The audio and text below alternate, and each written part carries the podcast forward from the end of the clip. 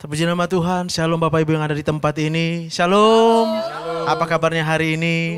Saya percaya kita semua luar biasa karena diberkati Tuhan. Dan bagi Bapak Ibu yang saat ini ada di rumah atau di mana saja Anda berada saat ini Kita percaya kalau kita ada masih karena masih karena Tuhan. Itu karena Tuhan betul-betul mengasihi kita dengan luar biasa. Mari kita bangkit berdiri kita mau bersuka cita karena Tuhan. Kalau kita mengingat setiap janji-janji Tuhan yang ajaib dalam hidup kita itu akan menjadi perlindungan bagi kita. Katakan haleluya Amin. Mari kita semua menari bagi Tuhan. Menyanyi dengan sukacita. Hey. angkat suara kita yuk.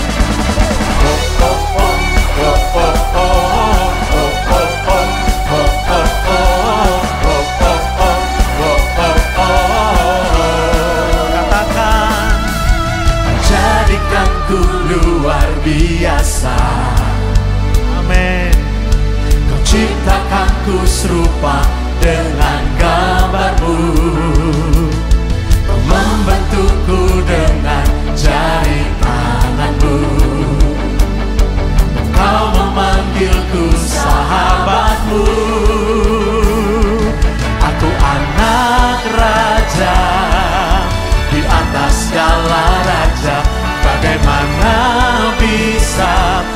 hidupku biasa.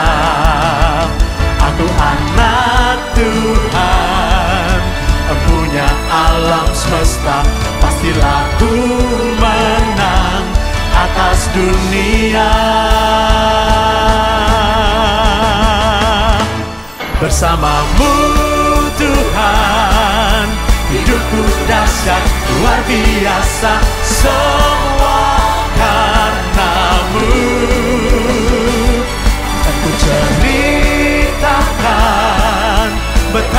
Betapa dahsyat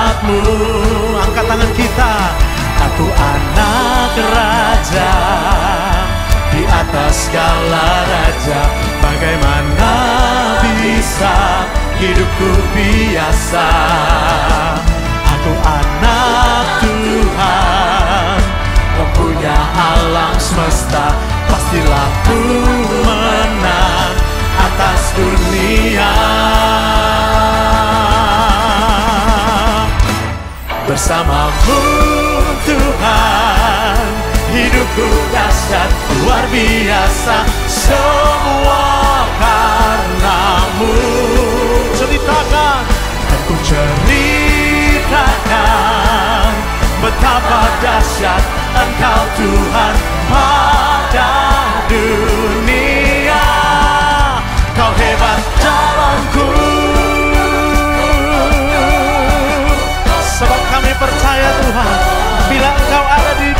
kami Siapakah yang menjadi lawan kami? Dan kami katakan Tak peduli apa yang dunia katakan. Aku adalah diriku di tanganmu Bapa.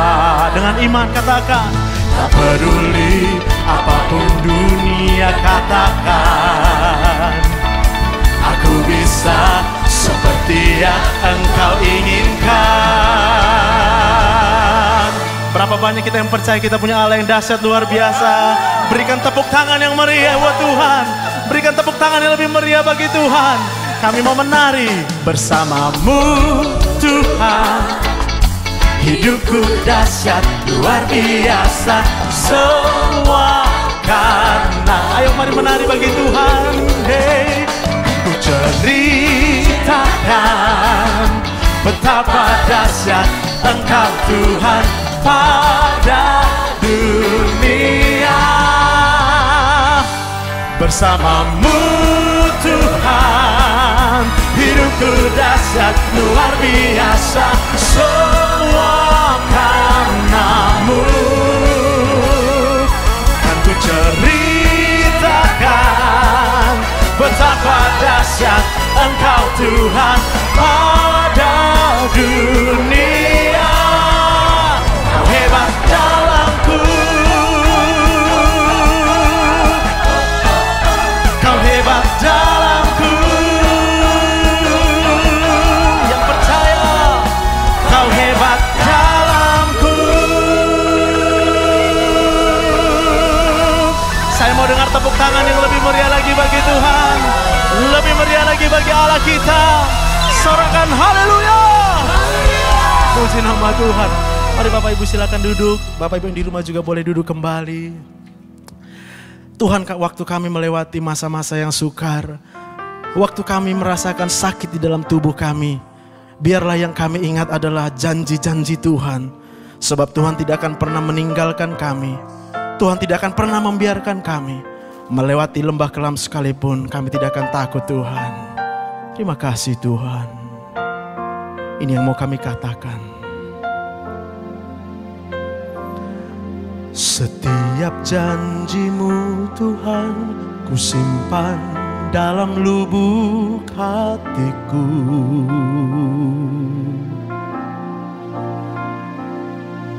Lewati setiap masalah Tiap tetes air mata dalam hidupku Janjimu menopang hidupku Kasihmu menuntun langkahku Dalam setiap waktu. Penolongku yang aku percaya. Mari dengan iman katakan setiap janjimu Tuhan ku simpan dalam lubuk hatiku.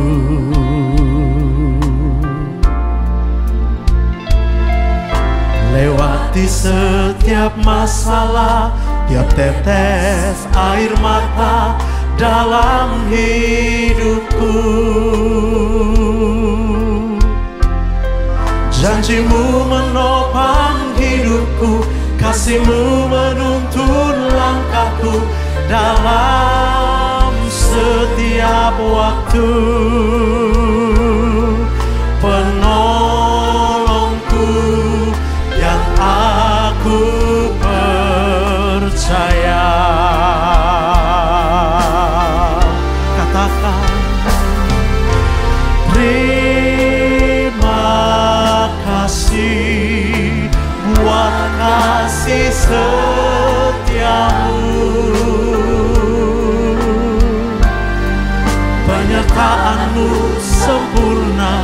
Janjimu tak pernah terlambat menolongku.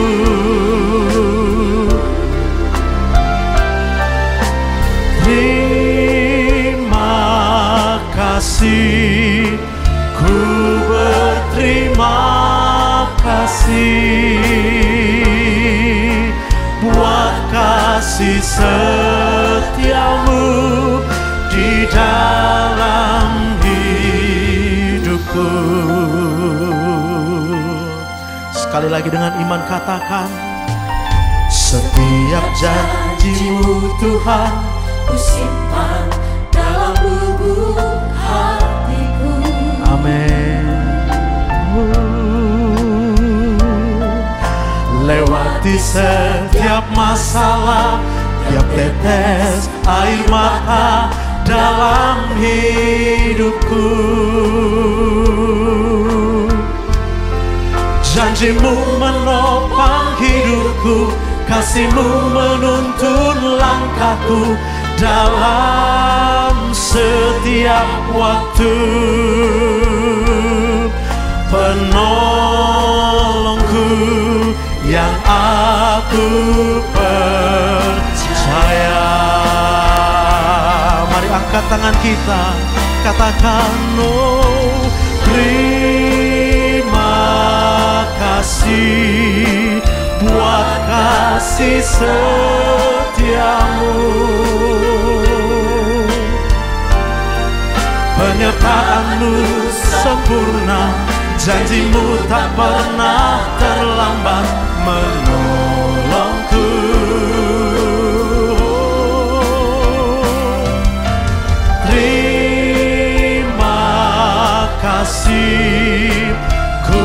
berterima kasih Buat kasih setiamu Di dalam hidupku. Dengan iman katakan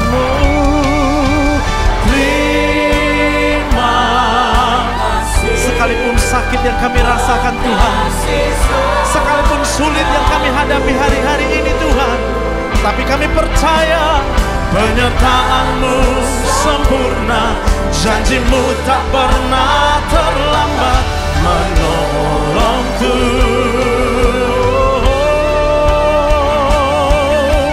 Terima kasih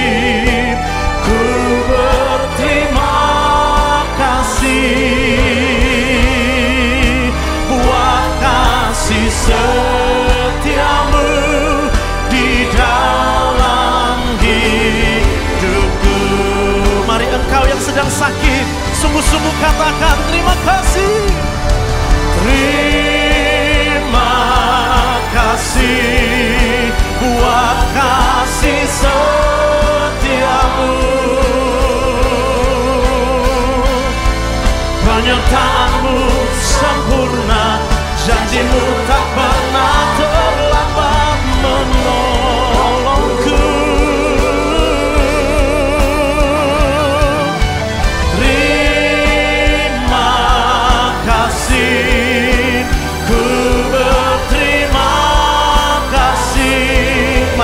berdiri Buat kasih setiamu Di dalam hidupku. Boleh sekali lagi Kita katakan terima kasih. Terima kasih Buat kasih setiamu. Penyertaanmu Tuhan Penyertaanmu Janjimu tak pernah terlambat Menolongku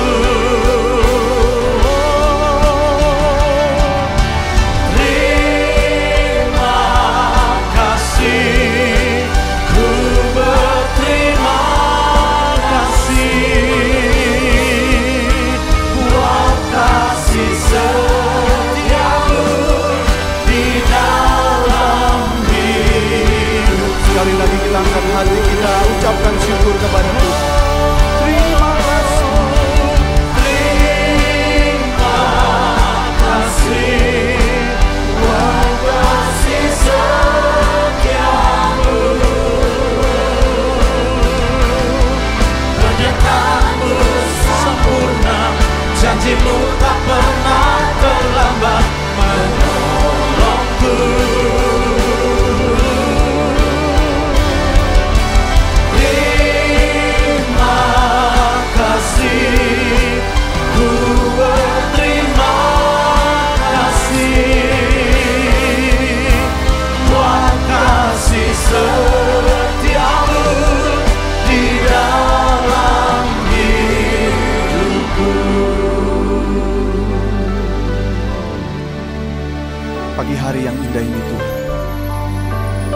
Datang kepadamu dengan penuh syukur dan hormat.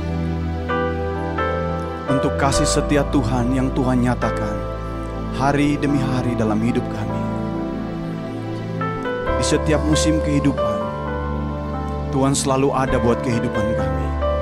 Mendampingi langkah-langkah kami. Dan memberi kepada kami kepastian dalam hati kami. Karena itu Tuhan, di dalam semua keadaan kami hari ini Tuhan, kami datang mempersembahkan syukur kami. Terima kasih Tuhan. Engkau sungguh baik, Engkau teramat baik. tak berkesudahan kasih setia Tuhan. Selalu baru tiap hari. Kami akan menyanyikan kasih dan setia Tuhan. Ya. Terima kasih, terima kasih Tuhan. Terima kasih. Ora bakashika la bakaya la bakaya la baba. Ora ya la bakaya la bala la baya la bala la basakaya. Janji Tuhan tidak pernah terlambat menolong kami. Engkau meneguhkan kami hari demi hari. Terima kasih. Oh, dia lama ya, lama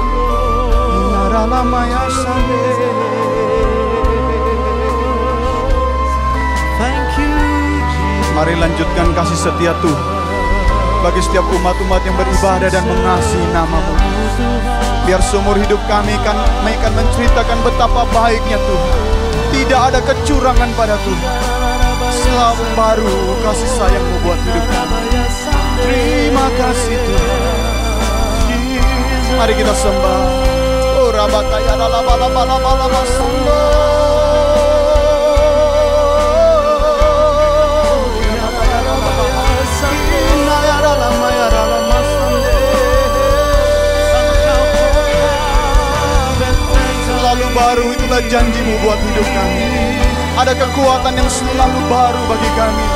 Ada hikmat yang berlimpah-limpah yang mengalir dari tahta kasih karunia bagi kami.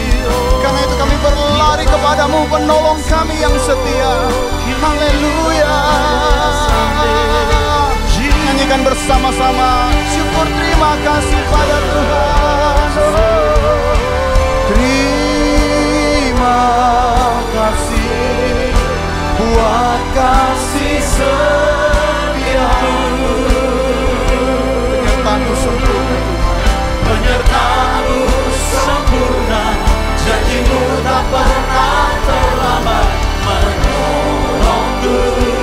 Terima kasih. Terima kasih. Ku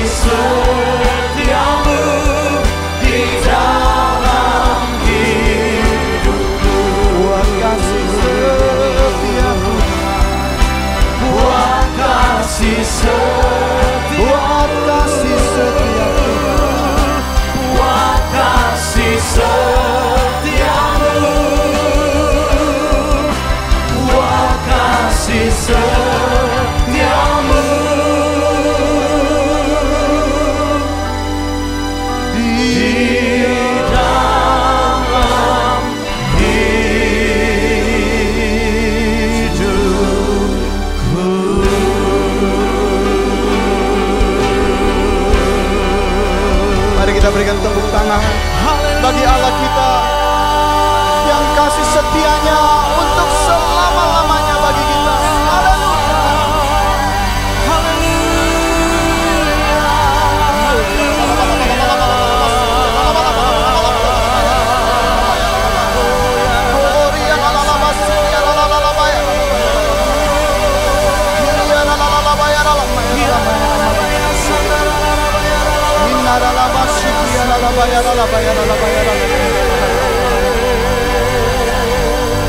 Tuhan hadir di tengah-tengah pujian penyembahan umatnya.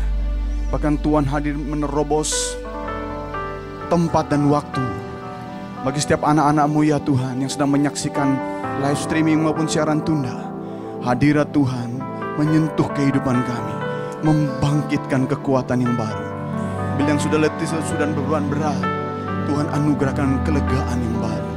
Terima kasih Tuhan. Biar kami semua boleh hidup di bawah surga yang terbuka. Kami nikmati hadirat Tuhan, hikmat, kemurahan, kebajikan, mujizat-mujizat dikodrati. Kiranya Bapak sediakan berlimpah-limpah bagi segenap kami umat. Dan tuntunlah kami di jalan yang benar oleh karena nama Sehingga ketika kami berjalan dalam lembah bayang-bayang maut, kami tidak takut bahaya. Karena ada da- gada dan tongkat kebenaran Tuhan yang menjadi penghiburan bagi kami. Terima kasih Tuhan. Bila kami mau duduk diam untuk mendengarkan pesan-pesan Tuhan. Berkenalah Bapa mengurapi setiap kami Tuhan. Urapi setiap mata untuk bisa melihat. Setiap telinga untuk bisa mendengar. Urapi hati untuk boleh mengerti firman dan menyimpannya dalam perbendaharaan yang baik. Dan urapi setiap pikiran untuk tunduk dan taat. Berjalan selaras dengan firman Tuhan. Kami percaya sepenuhnya bila kami hidup dalam jalan-jalan Tuhan. Masa depan kami sungguh-sungguh ada. Tuhan menyediakan hari-hari yang melampaui pikiran kami. Itu yang kau sediakan buat hidup kami. Terima kasih untuk janji setia Tuhan. Kami bersyukur Bapa. Berkarya juga berkarya di rumah daripada anak-anakmu yang sedang menyaksikan live streaming maupun siaran tunda. Hadirat Tuhan memberkati setiap kami. Firman meneguhkan kami. Terpujilah Tuhan. Dalam nama Tuhan Yesus kami sambut kebenaran-kebenaran Tuhan. Haleluya. Mari kita sama-sama katakan. Amin. Amin. Amin. Tepuk tangan bagi Tuhan kita. Haleluya. Silakan duduk. Seluruh umat Tuhan. Saya ucapkan selamat pagi bagi kita semua. Salam sejahtera. Shalom. Saya percaya selalu ada sukacita dalam hadirat Tuhan. Waktu Tuhan hadir, Tuhan akan memberikan pengharapan buat kehidupan kita. Sehingga di dalam semua keadaan yang kita harus hadapi hari-hari ini, kita boleh menjadi kuat karena ada Tuhan yang akan bersedia menolong kita. Haleluya. Ini adalah minggu yang pertama di dalam tahun yang baru, tahun 5781. Tahun di mana Tuhan membawa kita untuk boleh masuk menggenapi janji-janji yang luar biasa. 81 dari kata peh, pe alep, peh alep. Peh itu menggambarkan mulut, sementara alep itu selalu bicara tentang yang pertama, yang terutama. Dan karena itu maka Tuhan memberikan tuntunan kepada gereja kita. Tahun 5781 adalah the year of righteousness. Tahun kebenaran. Karena Tuhan akan mengajarkan kita jalan-jalannya. Dan pada waktu kita mulai mengikuti jalan-jalan Tuhan, ada terang yang akan terbit dalam hari-hari kehidupan kita. Sehingga meskipun kegelapan sedang menutupi bumi, terang Tuhan akan terbit dalam hidup kita. Dan kita boleh nikmati perkara-perkara yang luar biasa dari Tuhan. Yang percaya katakan amin. Tepuk tangan bagi janji Tuhan yang luar biasa. Haleluya.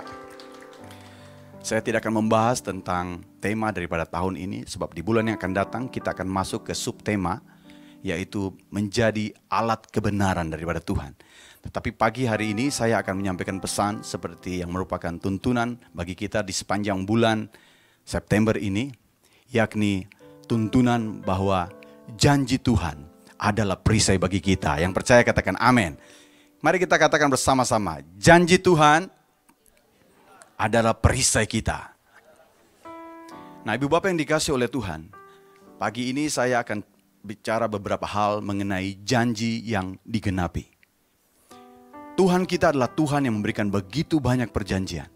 Ketika kita beribadah di kebaktian doa Sabtu kemarin, maka gembala kita, gembala pembina kita menyampaikan pesan bahwa di dalam Alkitab ada begitu banyak janji. Setidaknya ada 1260 janji janji Tuhan yang begitu banyak. Abraham menikmati tujuh janji berkat. Dan Tuhan berjanji kalau kita percaya kepada Kristus, janji Abraham, janji yang Tuhan berikan kepada Abraham juga menjadi milik saya dan saudara. Yang setuju katakan amin. Nah saudara, ada banyak lagi janji-janji Tuhan. Dan saudara, setiap kali kita menerima janji Tuhan, maka saudara-saudara yang dikasih oleh Tuhan, sebelum kita menikmati janji Tuhan, ada tahapan-tahapan yang Tuhan minta kita ikuti bersama-sama. Supaya janji itu tidak hanya tinggal jadi janji saja, tapi terwujud di dalam seluruh perjalanan kehidupan kita. Saya percaya kita semua hari ini tahu bersama-sama bahwa karena pandemi COVID-19 ini, maka bukan saja masalah kesehatan yang muncul, tetapi masalah-masalah baru kemudian muncul, masalah sosial dan hari-hari ini kita semua tahu bahwa ekonomi dunia sedang mengalami guncangan yang begitu hebat. Saya memiliki beberapa data yang saya ambil di bulan yang lalu. Saya akan tampilkan sebab ini adalah data-data yang kita perlu tahu bersama-sama sebagai orang-orang percaya supaya kita juga mulai mendoakan negeri kita.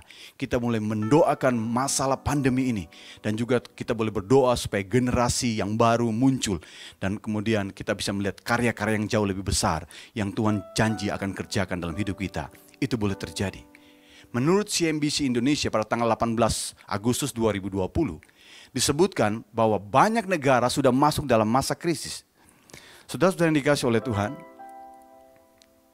ada negara-negara Asia, saya akan tunjukkan bagi kita. Boleh dibantu? Ya.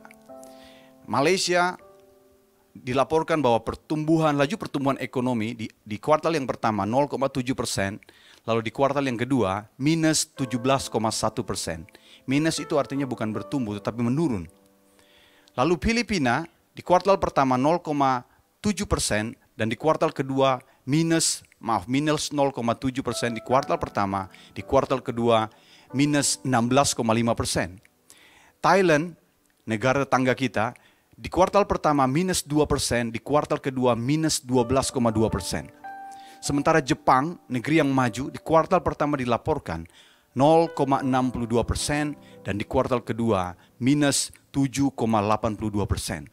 Korea Selatan, di kuartal pertama 1,4 persen dan di kuartal kedua minus 3,3.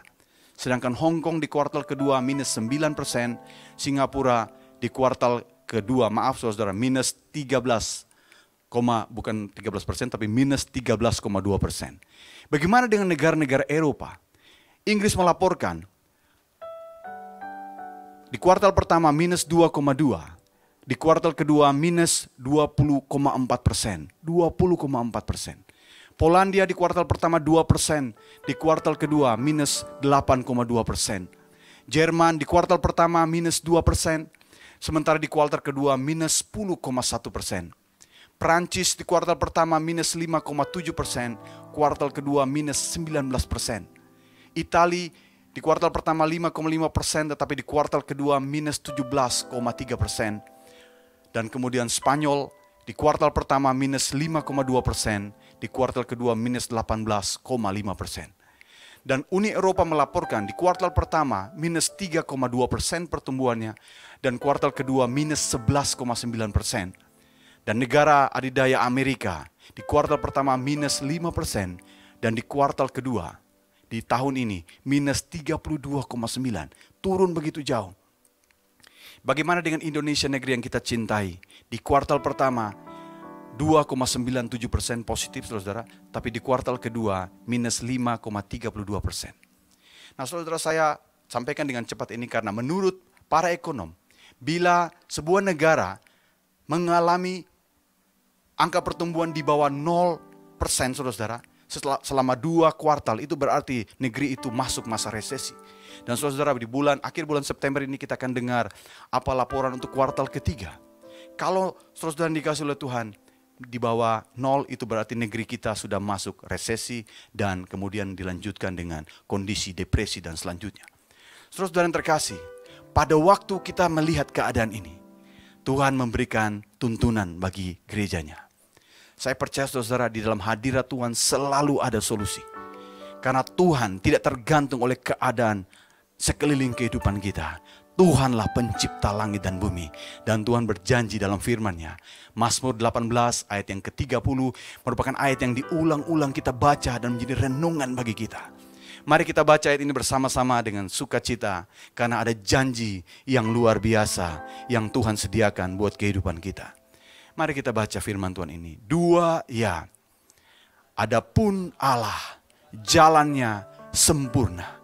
Janji Tuhan adalah murni. Dia menjadi perisai bagi semua orang yang berlindung padanya.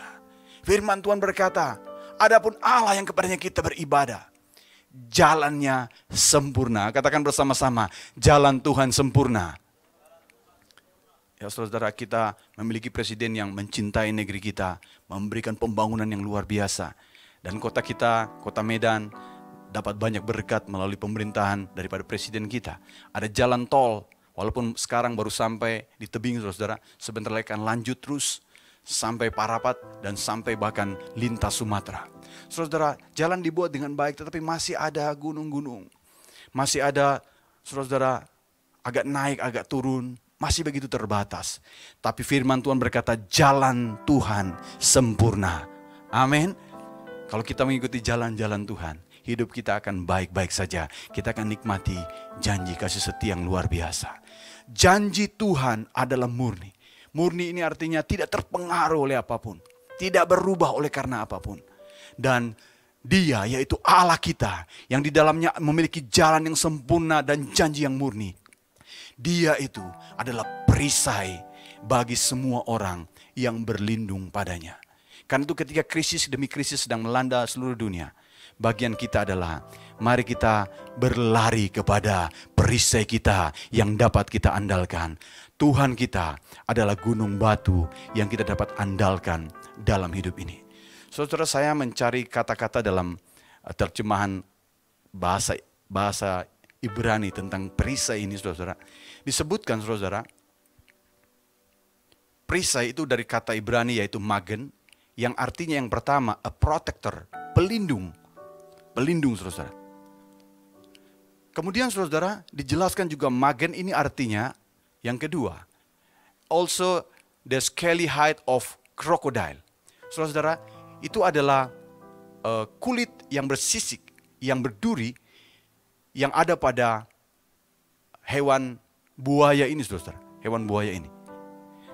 Kalau saya bertanya, adakah di antara ibu bapak yang pernah makan daging buaya? Saya pikir saudara sedikit sekali, mungkin hanya beberapa orang. Dalam beberapa kebaktian yang lain saya bertanya, hanya satu orang dalam beberapa kebaktian. Karena orang jarang makan daging buaya. Karena untuk mendapatkan daging buaya sulit saudara. Karena buaya adalah hewan yang buas saudara. Dan dia tidak tidak bisa dikalahkan.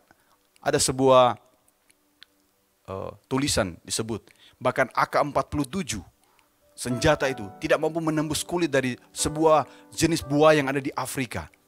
Begitu kuat saudara. Dan seperti itulah Tuhan menggambarkan dia sebagai perisai di dalam kehidupan kita. Saudara saya akan menunjukkan beberapa ayat firman Tuhan. Roma pasal yang ke-9 ayat yang ke-6 bagian A.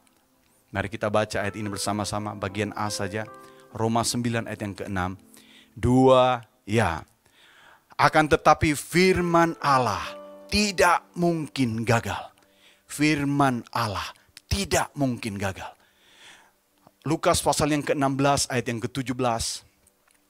Lukas 16 ayat yang ke-17 kita baca. Dua ya. Lebih mudah langit dan bumi lenyap daripada satu titik dari hukum Taurat batal. Yang pertama tidak pernah gagal. Yang kedua tidak mudah batal. Tidak akan batal. Kemudian 2 Petrus pasal yang ketiga ayat yang ke-9 bagian A. Kita baca ayat ini. Dua ya Tuhan tidak lalai menepati janjinya. Sekalipun ada orang yang menganggapnya sebagai kelalaian. Ibu bapak yang dikasih oleh Tuhan, betapa kuatnya firman Tuhan itu buat kehidupan kita. Betapa kuatnya janji Tuhan. Janji Tuhan, firman Tuhan tidak mungkin gagal, tidak mudah batal, dan tidak lalai untuk segera digenapi di dalam kehidupan kita. Tapi pertanyaannya, kenapa ada banyak anak-anak Tuhan kita tidak menikmati kegenapan daripada janji Tuhan. Seolah-olah orang kemudian berkata, mungkin ada yang kesayangan, ada yang spesial. Nah saudara-saudara waktu saya merenungkan ayat ini dan saya mendengar tuntunan-tuntunan dari para pemimpin. Maka saudara-saudara saya mengerti sebuah hal. Yakni saudara, rupanya firman, rupanya janji yang tidak mungkin gagal, tidak mudah batal, dan tidak lalai digenapi ini. Itu digambarkan oleh firman Tuhan seperti benih saudara-saudara diumpamakan seperti benih. Ada perumpamaan di dalam Injil Lukas pasal yang ke-8. Ada seorang penabur, dia hendak menaburkan benih. Dia sudah menyiapkan benihnya, bakulnya. Lalu di tengah jalan, ada benih yang jatuh di jalan. Lalu dimakan oleh burung-burung. Lalu dia berjalan terus, tempat di mana ada tanah yang tipis, ada benih yang jatuh di sana juga. Tetapi tanah itu begitu tipis dan berbatu-batu sehingga ketika tumbuh sebentar karena kering, karena sengatan matahari, maka benih itu menjadi layu dan mati. Ada benih lagi yang kemudian ketika penabur ini lewat di tanah, ada tanah yang baik tetapi ditumbuhi dengan semak-semak duri. Benih itu jatuh di sana lalu kemudian mulai bertumbuh dan dalam perkembangannya kemudian terhimpit oleh duri-duri dari tumbuh-tumbuhan di sekelilingnya dan akhirnya tidak bertumbuh dan kemudian mati. Tapi ada benih yang keempat, yaitu benih yang merupakan benih yang disiapkan, benih yang sama tetapi jatuh di tanah yang baik, yang sudah dicangkul, sudah disiapkan dengan begitu rupa. Dan ketika benih itu ditabur, akan bertumbuh. Dan di dalam Injil Lukas ini disebut menghasilkan seratus kali lipat. Luar biasa saudara. Dan saudara itu adalah model daripada hati kita. Ini alasan saudara. Kenapa banyak orang terima janji, tetapi tidak semua menikmati janji. Karena ada model hati yang seperti jalanan. Lukas pasal 8 ayat yang ke-12. Lukas 8 ayat yang ke-12. Tuhan Yesus menceritakan arti daripada perumpamaan yang dia sampaikan tadi. Yang jatuh di pinggir jalan ialah orang yang mendengar yang telah mendengarnya yaitu firman Allah. Kemudian datanglah iblis lalu mengambil firman itu dari dalam hati mereka supaya mereka jangan percaya dan diselamatkan. Seperti jalan raya semua lewat, tidak ada perhatian. Karena itu pada waktu kita mulai dengar firman Tuhan, mari kita siapkan hati kita. Yang setuju katakan amin. Perhatikan kata-kata firman Tuhan. Ibu Bapak yang dikasih oleh Tuhan, di dalam kehidupan pribadi saya, kadang-kadang saya hadir dalam kebaktian-kebaktian yang dilayani oleh mahasiswa. Mereka baru belajar untuk berkhotbah. Tapi saya dengar apa yang mereka sampaikan. Kadang-kadang ada dosen-dosen baru yang karena, karena saya hadir di situ mereka gugup sekali untuk boleh menyampaikan pesan. Tapi saya mendapat beberapa hal-hal yang luar biasa. Yang pasti Tuhan akan beritahu pada waktu kita belajar untuk mendengar firman Tuhan. Seperti jalan adalah orang yang tidak fokus mendengar firman Tuhan. Kadang-kadang kita membaca Alkitab di handphone kita. Tapi handphonenya tiba-tiba ada WA tiba-tiba ada masuk yang lain SMS dan sebagainya. Apalagi ada iklan, saudara-saudara. Di situ ditulis bahasa, bahasa tulisan bahasa Indonesia sale, sale, saudara-saudara. Lalu mata kita tertuju ke sana dan firman itu hilang begitu saja. Saudara, itulah tanah yang pertama, yaitu tanah seperti jalan. Kemudian tanah yang kedua adalah tanah yang berbatu-batu. Ayat Lukas 8 ayat yang ke-13 berkata, yang jatuh di tanah yang berbatu-batu itu ialah orang yang setelah mendengar firman itu menerimanya dengan gembira. Tetapi mereka tidak berakar, mereka percaya sebentar saja dan dalam masa pencobaan mereka murtad. Saudara-saudara dikasih oleh Tuhan. Ada tanah hati yang menyambut firman Tuhan dengan gembira. Mungkin karena firmannya menyenangkan, mereka gembira. Kadang-kadang ada firman yang dicampur dengan lelucon. Wah, orang mulai ketawa gembira. Tapi ketika pulang ditanya, kamu dengar pesan apa? Aduh, Pesan apa ya? Pokoknya pesannya lucu. Saudara-saudara yang dikasih oleh Tuhan. Bukan pesan yang ditangkap. Tapi gembiranya saja saudara. Eporia. Tidak berakar dalam firman. Ketika masa susah datang saudara. Firman itu kemudian gugur. Pencobaan menggugurkan firman yang begitu berkuasa. Karena tanah hatinya tipis dan berbatu-batu. Ibu apa yang dikasih oleh Tuhan. Kemudian tanah yang ketiga. Itu adalah tanah hati seperti tanah yang ditumbuhi semak duri. Bertumbuh tetapi ada semak di sekelilingnya. Lukas pasal 8 ayat 14 menyampaikan bagi kita. Yang jatuh dalam semak duri ialah orang yang telah mendengar firman itu. Dan dalam pertumbuhan selanjutnya mereka terhimpit oleh kekhawatiran dan kekayaan dan kenikmatan hidup. Sehingga mereka tidak menghasilkan buah yang matang. Dengar firman Tuhan, tetapi ada yang lain yang menghimpit firman Tuhan itu, yaitu kekhawatiran. Saudara, pada waktu kita bicara tentang sukacita di bulan yang lalu, salah satu masalah penghalang sukacita adalah ketakutan. Saudara, karena itu kita perlu singkirkan ketakutan. Kita lebih percaya janji Tuhan daripada keadaan sekeliling kita. Sehingga kekhawatiran tidak akan menghimpit benih firman Tuhan dalam hidup kita. Ada juga tipu daya kekayaan. Saudara-saudara yang dikasih oleh Tuhan, Tuhan akan memberkati kita dengan berkat yang berlimpah-limpah. Saya percaya kita semua katakan amin. Amin. Tapi saudara-saudara tidak perlu terjebak dalam tipu daya kekayaan. So firman Tuhan berkata, kalau engkau kejar kekayaan, kekayaan akan seperti bersayap dan dia akan terbang meninggalkan engkau. Tetapi kalau kita tinggal dalam janji-janji Tuhan, kita memuliakan Tuhan dalam hidup kita. Tuhan sendiri akan menggenapkan janji-janji berkatnya di dalam kehidupan setiap kita. Yang percaya katakan amin. Tepuk tangan bagi janji berkat Tuhan. Haleluya. Dan juga ada kenikmatan hidup yang kita perlu waspadai, saudara. Ada banyak orang ketika kesulitan datang, mereka bisa setia. Setia, saudara. Karena waktu doa lebih banyak. Tapi ketika kenikmatan hidup tiba, mereka meninggalkan disiplin-disiplin rohani. Dan kemudian mereka terjerumus ke dalam hal-hal yang membawa kesia-siaan dan kesedihan pada akhirnya. Saudara itulah tiga tanah hati yang tidak menggenapi janji Tuhan. Tetapi ada tanah hati yang keempat, yaitu tanah hati yang baik. Yakni tanah yang sudah dipersiapkan. Ketika firman Tuhan disampaikan, disambut dengan penuh antusias. Disambut dengan sangat serius. Sehingga firman Tuhan itu bertumbuh. Dan kemudian menghasilkan buah. Firmannya berkata dalam Lukas 8 ayat yang ke-15. Yang jatuh di tanah yang baik. Ialah orang yang setelah mendengar firman itu menyimpannya dalam hatinya yang baik dan mengeluarkan buah dalam ketekunan. Itulah pelipat gandaan seratus kali lipat yang Tuhan sediakan buat hidup kita.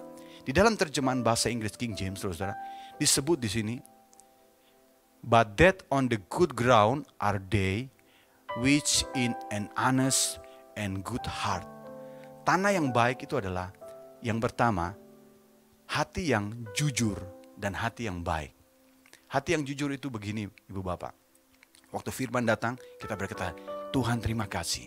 Firman Tuhan ini untuk hidup saya. Saya mau mengikuti jalan Tuhan. Yang tidak jujur itu begini, saudara. Yes, firman Tuhan ini pas sekali untuk istri saya.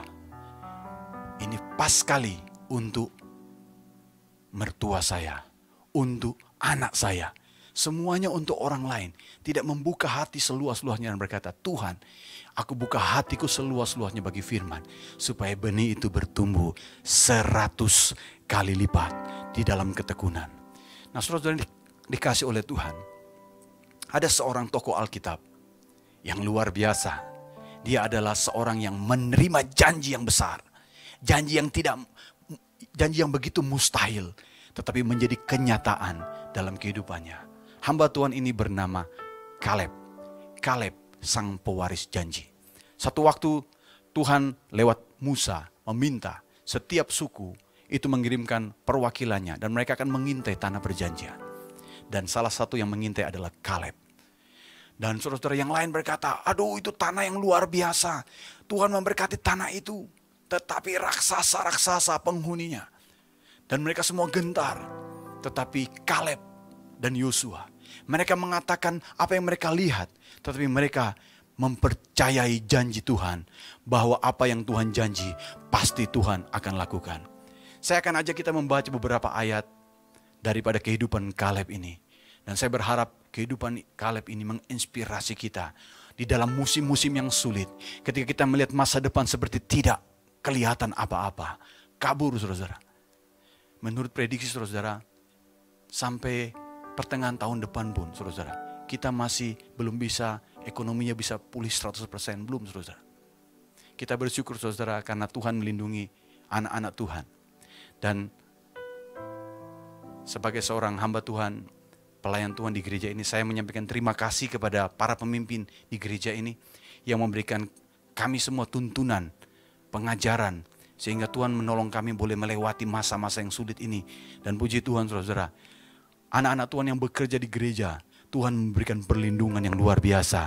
Bahkan gereja ini bisa menjadi berkat bagi saudara-saudara kita yang membutuhkan keperluan-keperluan keseharian. Saudara di dalam ulangan pasal yang pertama, ayat yang ke-34 dan ayat yang ke-35. Ini kisah tentang kehidupan Kaleb. Yang menceritakan ada hal-hal yang mengakibatkan janji itu tidak terjadi, tetapi ada hal-hal yang mengakibatkan kita bergerak menuju penggenapan janji. Saya bacakan bagi kita ayat yang ke-34. Mohon semua saudara-saudara baik yang di rumah membaca ayat yang ke-35. Ketika Tuhan mendengar gerutumu itu, ia menjadi murka dan bersumpah. Ayat yang ke-35, tidak seorang pun dari orang-orang ini, angkatan yang jahat ini, akan melihat negeri yang baik yang dengan sumpah kubrik untuk memberikannya kepada nenek moyangmu. Saudara, penyebab yang pertama, kenapa ada orang yang mendengar janji tapi tidak menggenapinya adalah karena ada sikap gerutu, gerutu. komplain. Saudara-saudara, banyak komentar-komentar yang negatif tentang janji Tuhan. Waktu janji Tuhan diberi, mereka berkata, mana mungkin, mana mungkin. Saudara-saudara, waktu keadaan kurang baik, banyak kok begini, kok begitu saudara-saudara. Ini adalah sikap menggerutu yang mengakibatkan mayoritas daripada orang-orang Israel yang menikmati janji yang sama tidak boleh masuk ke tanah perjanjian. Lalu di ayat yang ke-36 ditegaskan, kecuali Kaleb bin Yefune, dia yang akan melihat negeri itu dan kepadanya dan kepada anak-anaknya akan kuberikan negeri yang diinjaknya itu karena dengan sepenuh hati ia mengikuti Tuhan. Ibu apa yang dikasih oleh Tuhan? Kaleb adalah pribadi yang sepenuh hati untuk Tuhan. Di dalam bahasa Ibrani, Kaleb ini artinya, maaf saudara, anjing saudara, maaf, dog dalam bahasa Inggris. Sepenuh hati seperti anjing kepada tuannya saudara, sepenuh hati apa saja yang dikatakan oleh Musa, apa saja yang dikatakan oleh Yosua, dia akan perhatikan dan dia simpan itu di dalam hatinya. Saudara-saudara yang dikasih oleh Tuhan. Catatan yang lain yang menulis tentang Kaleb ditulis dalam bilangan pasal yang ke-32. Ayat yang ke-11 dan ayat yang ke-12. Saya baca ayat 11, saya mohon Bapak Ibu membaca ayat yang ke-12, Bapak Ibu yang di rumah baca ayat firman Tuhan ini. Bahwasanya orang-orang yang telah berjalan dari Mesir yang berumur 20 tahun ke atas tidak akan melihat negeri yang kujanjikan dengan sumpah kepada Abraham, Ishak dan Yakub. Oleh karena mereka tidak mengikut aku dengan sepenuh hatinya. Ayat yang kedua 12, kecuali Kaleb bin Yefune, orang Kenas itu, dan Yosua bin Nun, sebab keduanya mengikut Tuhan dengan sepenuh hati. Dua saja. Kaleb dan Yosua. Kaleb bin Yefune orang Kenas dari suku Yehuda. Dan Yosua bin Nun saudara. Yang boleh masuk dan boleh menikmati janji-janji yang luar biasa. Yang Tuhan itu sudah sediakan bagi orang Israel. Dia adalah pribadi yang mengikut Tuhan dengan sepenuh hati. Mari kita lihat apa yang ada dalam hati kita. Apakah kita benar-benar pegang janji Tuhan? Waktu goncangan ini datang, apakah kita memandang goncangan lebih daripada janji Tuhan? Tapi saya berdoa biar janji Tuhan terus tersimpan dalam hati kita. Yang setuju katakan amin. Setiap janjimu Tuhan ku simpan dalam lubuk hatiku.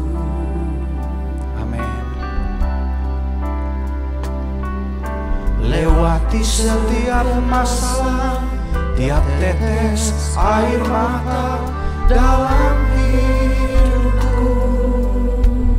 Ada janji yang menopang kita. Janjimu menopang hidupku Kasihmu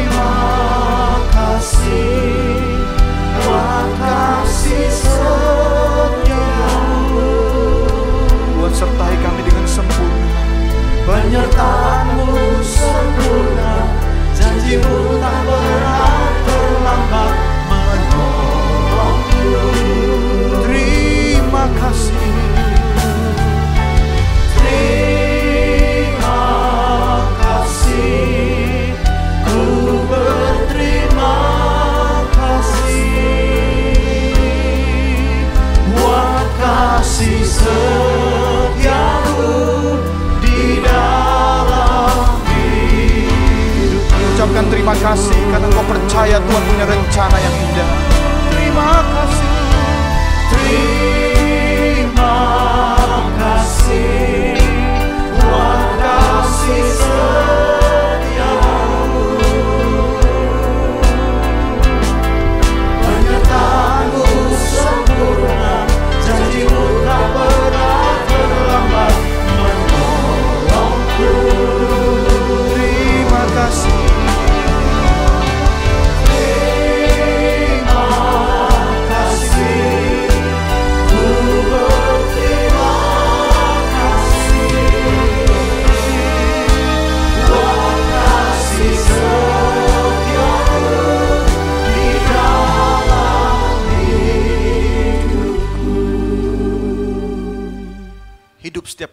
Percaya kepada Tuhan dijamin oleh kasih setia Tuhan.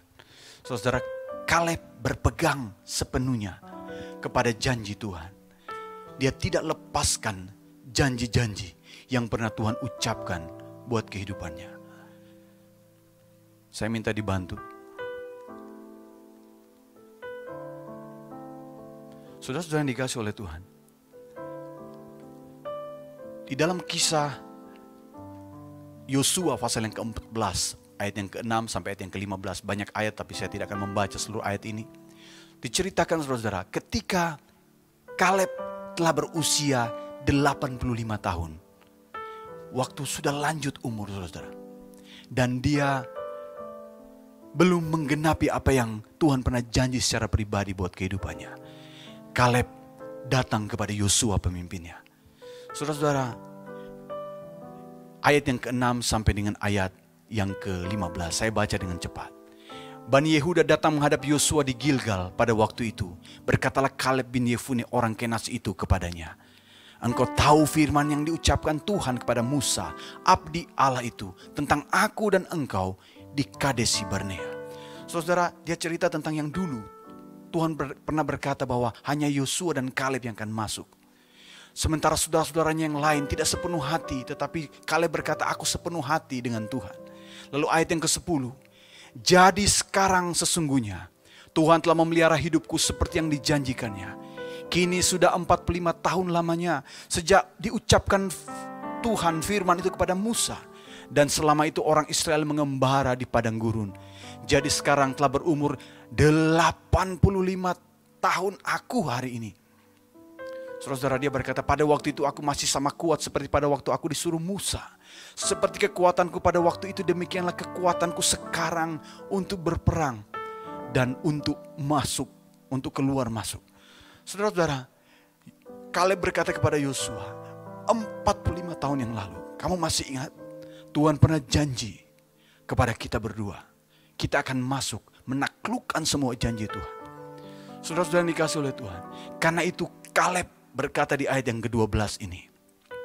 Oleh sebab itu, berikanlah kepadaku pegunungan yang dijanjikan Tuhan pada waktu itu. Sebab engkau sendiri mendengar pada waktu itu bahwa di sana ada orang enak dan kota-kota yang besar dan berkubu. Mungkin Tuhan menyertai aku sehingga aku menghalau mereka seperti yang difirmankan Tuhan. Ayat 13, lalu Yosua memberkati Kaleb bin Yefune dan memberikannya Hebron kepadanya menjadi milik pusaka. Kaleb berkata, mungkin Tuhan menyertai aku. Kaleb memegang janji Tuhan dan dia mempercayai kemungkinan yang terbaik yang bisa dikerjakan oleh firman Tuhan. Bukan kemungkinan yang negatif. Meskipun usianya sudah begitu lanjut. Dia percaya Tuhan masih sediakan. Masih ada yang Tuhan sediakan untuk hari-hari yang luar biasa buat kehidupannya. Dan di umur 85 tahun. Kemudian Yosua memberikan Hebron. Hebron saudara di dalam ayat ke-14 disebut Itulah sebabnya Hebron menjadi milik pusaka Kaleb bin Yefune orang Kenas itu sampai sekarang ini. Karena ia telah mengikuti Tuhan Allah Israel dengan sepenuh hati. Nama Hebron dahulu ialah Kiryat Arba. Arba ialah orang yang paling besar di antara orang enak. Dan amanlah negeri itu berhenti berperang. Kaleb minta pegunungan, tempat-tempat yang tinggi. Sebab dia percaya Tuhannya adalah gunung batu yang sanggup melindungi kehidupannya. Dia minta Hebron yang dulunya bernama Kiryat Arba. Arba adalah orang paling besar di antara orang enak. Orang enak itu saudara raksasa. Dia minta yang paling besar daripada raksasa. Musuh yang paling besar. Dengan penuh keberanian Kaleb meminta dan Tuhan berkata dalam firman Tuhan ini. Dia merebut Hebron itu dan keamanan yang luar biasa. Tuhan memberikan keamanan bagi generasinya, bahkan generasi setelahnya. Karena Tuhan tampil sebagai gunung batu, tempat perlindungan daripada orang-orang yang sepenuh hati dengan Tuhan. Tuhan memberikan kepada gereja kita tugas untuk membawa pemulihan pondok Daud. Sebuah gaya hidup yang melekat kepada Tuhan. Intim dalam doa, pujian dan penyembahan. Mengasihi Tuhan, berpegang dan tidak melepaskan Tuhan. Saya percaya ada banyak warisan-warisan besar yang Tuhan sudah sediakan, yang masih ada depan kita. Yang saya percaya Tuhan akan bawa kita menggenapinya satu demi satu demi satu. Karena Tuhan yang kepadanya kita beribadah adalah Tuhan yang setia.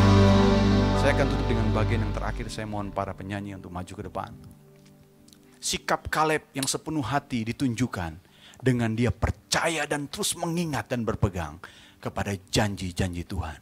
Bahkan dia berani meminta janji Tuhan diwujudkan dalam hidupnya karena dia percaya.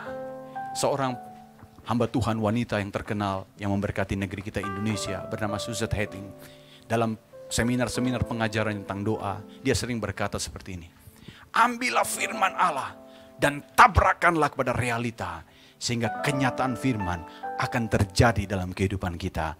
Kalau kita pegang kuat firman Tuhan, saudara-saudara, kita akan melihat kemungkinan-kemungkinan yang luar biasa akan Tuhan kerjakan di dalam kehidupan kita. Yang terakhir saudara, the man of holy following God akan berkata, give me this mountain. Saudara, orang yang sepenuh hati mengikut Tuhan akan berkata, berikan aku gunung ini. Saya percaya saudara janji Tuhan yang besar yang Tuhan sudah berikan dalam hidup kita sedang masuk di dalam penggenapan. Meskipun kesukaran sedang terjadi hari-hari ini. Kita memiliki Tuhan yang adalah gunung batu tempat perlindungan. Mungkin ada di antara Bapak Ibu yang di rumah, di rumah sakit, ada rekan-rekan sahabat-sahabat kami yang ada di rumah sakit, berhadapan dengan masalah penyakit masing-masing, ada juga yang COVID, saudara. Saya ber, mau menyampaikan pesan kalau engkau pegang Tuhan sungguh-sungguh. Dia adalah Tuhan yang dapat kita andalkan. Dia akan tolong kita menghadapi masa-masa bahaya. Dia juga akan menolong kita menghadapi masa-masa krisis, resesi ekonomi yang sedang terjadi di bangsa-bangsa dan negeri kita. Karena dia adalah tempat perlindungan kita. You are my hiding place. You my hiding place. You always fill my heart with songs of deliverance. Whenever I am afraid, I will trust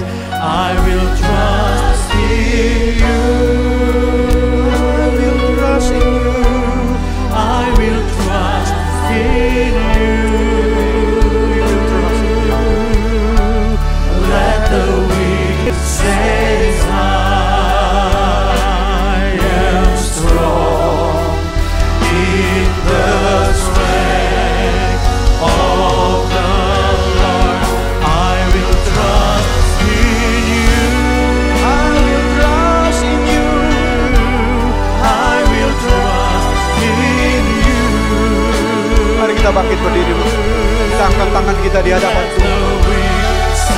Nyatakan iman kita meskipun hidup kami ada ketakutan. Tapi letakkan ketakutan kami dalam keperkasaan Tuhan.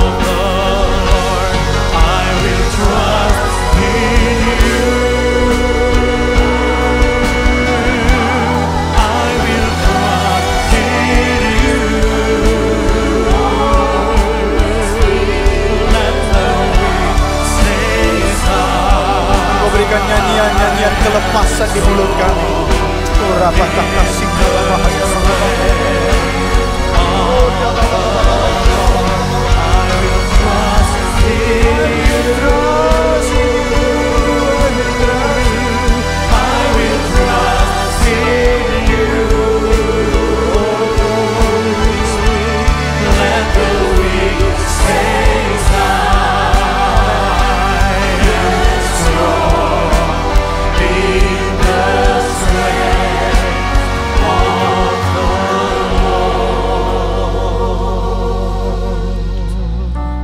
bersyukur karena kami punya janji yang tidak akan gagal. Kami punya Allah yang tidak lalai menepati janjinya. Kami punya perkataan-perkataan Tuhan yang tidak mudah batal. Di atas janji-janji Tuhan kami percaya. Hamba berdoa bagi segenap anak-anakmu Tuhan. Di setiap keadaan hidup kami. Problema rumah tangga, problema kesehatan Tuhan. Kami karena kami percaya kepada Tuhan. Kami percaya segenap janjimu Tuhan. Hati kami diberikan keteguhan dan damai sejahtera karena kebenaran. Kami akan mengucapkan jalan-jalan dan janji-janji Tuhan. Rapa kasih kalabata kaya lalabasa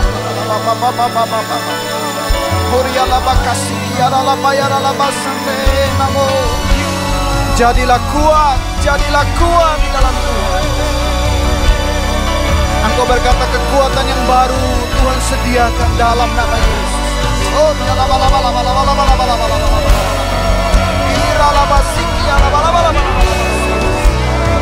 Gelombang kesembuhan, gelombang mujizat, gelombang penerobosan, gelombang kreativitas mengalir dari tahta kasih karunia.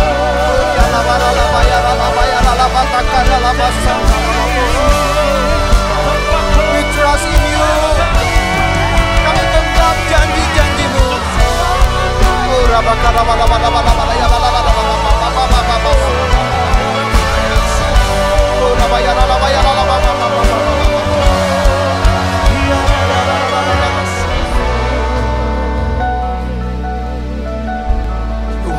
kasih kami berdoa untuk negeri kami Indonesia. Kami berdoa untuk Bapak Presiden Joko Widodo, Wakil Presiden Ma'ruf Amin, para menteri, khususnya yang berhadapan dengan problema COVID-19 ini, masalah-masalah ekonomi. Kami mohonkan hikmat yang berlimpah-limpah bagi hamba-hambamu. Jadikan hamba-hambamu kuat ya Tuhan. Mereka boleh bertindak sesuai dengan apa yang Tuhan sampaikan di hati mereka. Terima kasih ya Tuhan, terima kasih. Agar negeri kami kembali pada ekonomi yang kuat. Tuhan berikan kemampuan para para ahli Tuhan. Semua proses tahapan-tahapan untuk vaksin kami berdoa Tuhan memberkati seluruh tim yang ada dalam nama Yesus. Terima kasih Tuhan. Kami bersyukur untuk gubernur kami, wali kota kami Tuhan. Kami berdoa Tuhan untuk seluruh ASN yang ada yang bergumul bersama-sama berjuang untuk boleh Tuhan membawa negeri kami keluar dari problema-problema yang ada. Tuhan beri kekuatan yang berlimpah-limpah. Kami berdoa untuk hamba-hambamu yang ada di gugus depan ya Tuhan. Yang berhadapan dengan COVID-19. Para medis kami mohonkan perlindungan dalam nama Yesus. Dalam nama Tuhan Yesus. Oh rapa kasih kadala bakaya baba Berkati hamba-hambamu dengan sukacita dan damai sejahtera dalam nama Yesus. Berikanlah imun yang kuat bagi hamba-hambamu dalam nama Yesus. Terima kasih Tuhan. Kami percaya Tuhan, semua ada dalam tangan Tuhan. Engkau Allah yang setia dengan janji-janjimu. Kerjakanlah kehendakmu dengan sempurna dalam hidup kami umat. Kami juga mengangkat tangan mohon berkat Tuhan bagi para pemimpin kami. Kepala pembina kami di Jakarta, Bapak Pendeta Dr. Niko Nyotor Harjo. Berkati hambamu Tuhan. Kami bersyukur untuk gembala pembina kami, keluarga besar GBI Medan Plaza, hambamu, Bapak Pendeta Erbambang Yonan dan Ibu. Kami bersyukur ya Tuhan, Tuhan berikan hambamu ketajaman untuk boleh menuntun kami terus. Berjaga-jaga atas jiwa kami hamba-hambamu. Terima kasih Tuhan. Berkati hambamu Tuhan dengan sukacita yang berlimpah-limpah. Kami bersyukur ya Tuhan untuk gembalakan Bapak Pendeta Daniel Edi Praitno dan Ibu Nur Intan. Anak-anak dalam anu dan berkat Tuhan seluruh pelayan-pelayan Tuhan, para full time, para gembala cabang dalam dan luar kota. Seluruh pengerja-pengerja dan seluruh sidang jemaat yang beribadah dari rumah. Kami percaya Tuhan, kami akan terus pegang janji-janji Tuhan. Kami terus pegang janji-janji Tuhan. Sebab kami beribadah kepada Allah yang setia. Terima kasih Tuhan. Kami juga mengangkat tangan mohon berkat Tuhan bagi pembangunan rumah Tuhan. Tuhan memberkati panitia yang terus bekerja. Kami juga mohon berkat Tuhan. Tuhan memberkati Tuhan kota kudus Yerusalem umat pilihan Tuhan. Keturunan Abraham. Kami mengucapkan shalom bagi Yerusalem. Shalom, shalom. Biar syala dan syalfa berkat keselamatan dan kelimpahan ada di lingkungan tembokmu dan di puri-purimu. Dan biar ada jalan raya berkat dari Yerusalem menuju negeri kami Indonesia. Kota Medan seluruh Sumatera Utara pada keluarga-keluarga yang mencintai Yerusalem. Membawa berkat keselamatan dan perlindungan. Terima kasih Tuhan. Bila kami akan membawa persembahan-persembahan kami. Tanda kami menghormati dan mengasihi Tuhan. Terimalah ya Tuhan persembahan-persembahan kami. Tuhan yang akan melindungi setiap pekerjaan-pekerjaan dari umat-umatmu sepanjang minggu yang baru. Kami akan mengerjakan protokol kesehatan dan Tuhan akan melindungi kami dari yang jahat. Terima kasih Tuhan Yesus. Kami memberkati anak-anak kami yang sedang belajar Tuhan. Kami berdoa untuk next generation Tuhan. Kiranya Tuhan memberkati hamba-hambamu Tuhan. Mereka menjadi generasi yang kuat dan bertindak. Karena ada firman Tuhan dalam hidup mereka. Ada janji-janji Tuhan. Kami berdoa untuk kebangkitan generasi baru. Tuhan bangkitkan hamba-hambamu. Untuk boleh menggenapi janji-janji yang luar biasa. Terima kasih Tuhan. Bila kami sedang merendahkan diri dalam doa-doa puasa kami.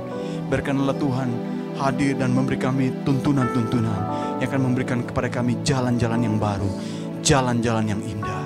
Terima kasih Tuhan. Ini hormat, ini pujian kami. Bila kami akan mengakhiri ibadah ini Tuhan. Terimalah semua persembahan-persembahan yang kami bawa sebagai hormat dan cinta kami kepadamu. Dan bila kami akan kembali kepada aktivitas kami masing-masing, Bapak bukakanlah tingkap-tingkap langit. Curahkanlah berkat berlimpah bagi segenap umat Tuhan. Hamba-hamba Tuhan, umat-umat Tuhan yang terkasih. Saatnya terimalah berkat dari surga. Berkat kasih karunia, itulah kekuatan yang berlimpah-limpah dari Allah Bapa. Di dalam Tuhan Yesus yang memberikan kasih yang sempurna. Dan dalam persekutuan yang manis bersama dengan roh kudus, memberikan kepada kita sukacita abadi. Hari ini Maranatha, bahkan sampai selama-lamanya. Semua yang percaya terima berkat berlimpah-limpah. Sama-sama katakan, Amin. Amin. Tuhan memberkati. Informasi bagi gereja kita boleh membuka media sosial kita yaitu keluarga besar GBI Rumah Persembahan dan mari kita tetap bersuka cita dalam Tuhan oleh karena Tuhan yang kita sembah adalah Tuhan yang ajaib dan perkasa. Haleluya! Terima kasih Tuhan. Kami dikuatkan kembali dalam Engkau. Semangat kami Tuhan pulihkan. Oh,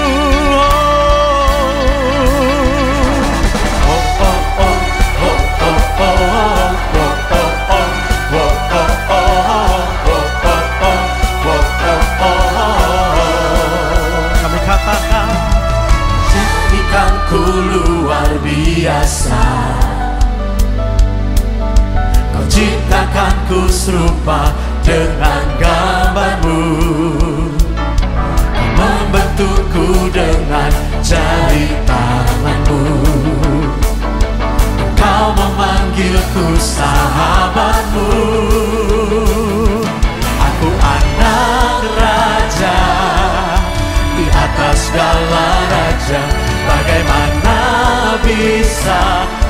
hidupku biasa. Aku anak Tuhan. Punya alam semesta. Pastilah ku menang atas dunia. Bersamamu Tuhan. Hidupku dahsyat luar biasa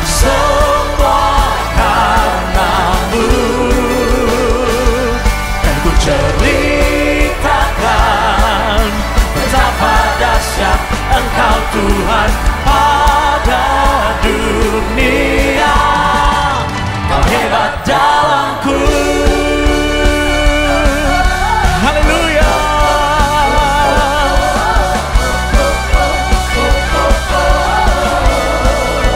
Amin.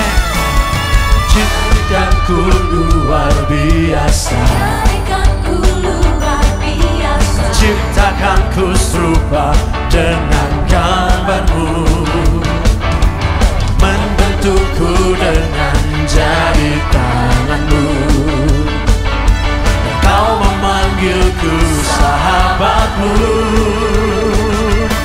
Aku anak raja Di atas segala raja. Bagaimana bisa hidupku biasa? Aku anak Tuhan Punya alam semesta. Ku menang atas dunia Bersamamu Tuhan. Hidupku dahsyat luar biasa Semua karenamu. Dan ku ceritakan Betapa dahsyat Engkau Tuhan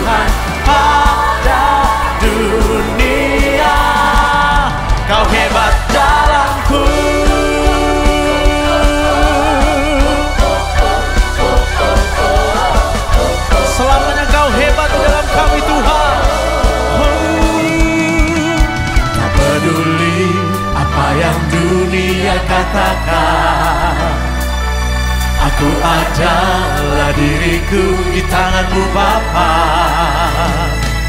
Tak peduli apa pun yang dunia katakan Aku bisa seperti yang engkau inginkan Tandanya kita anak Tuhan. Kita pasti bisa menari setiap waktu. Walau badai menerpa kita, tapi kita akan menari bagi Tuhan. Bersamamu Tuhan Hidupku dahsyat luar biasa Semua karenamu Haleluya. Kan ku ceritakan Betapa dahsyat engkau Tuhan Pada Bersamamu Tuhan. Hidupku dahsyat luar biasa Semua karenamu.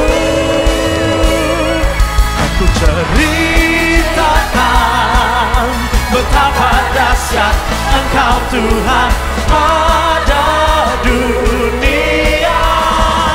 Kau hebat dalamku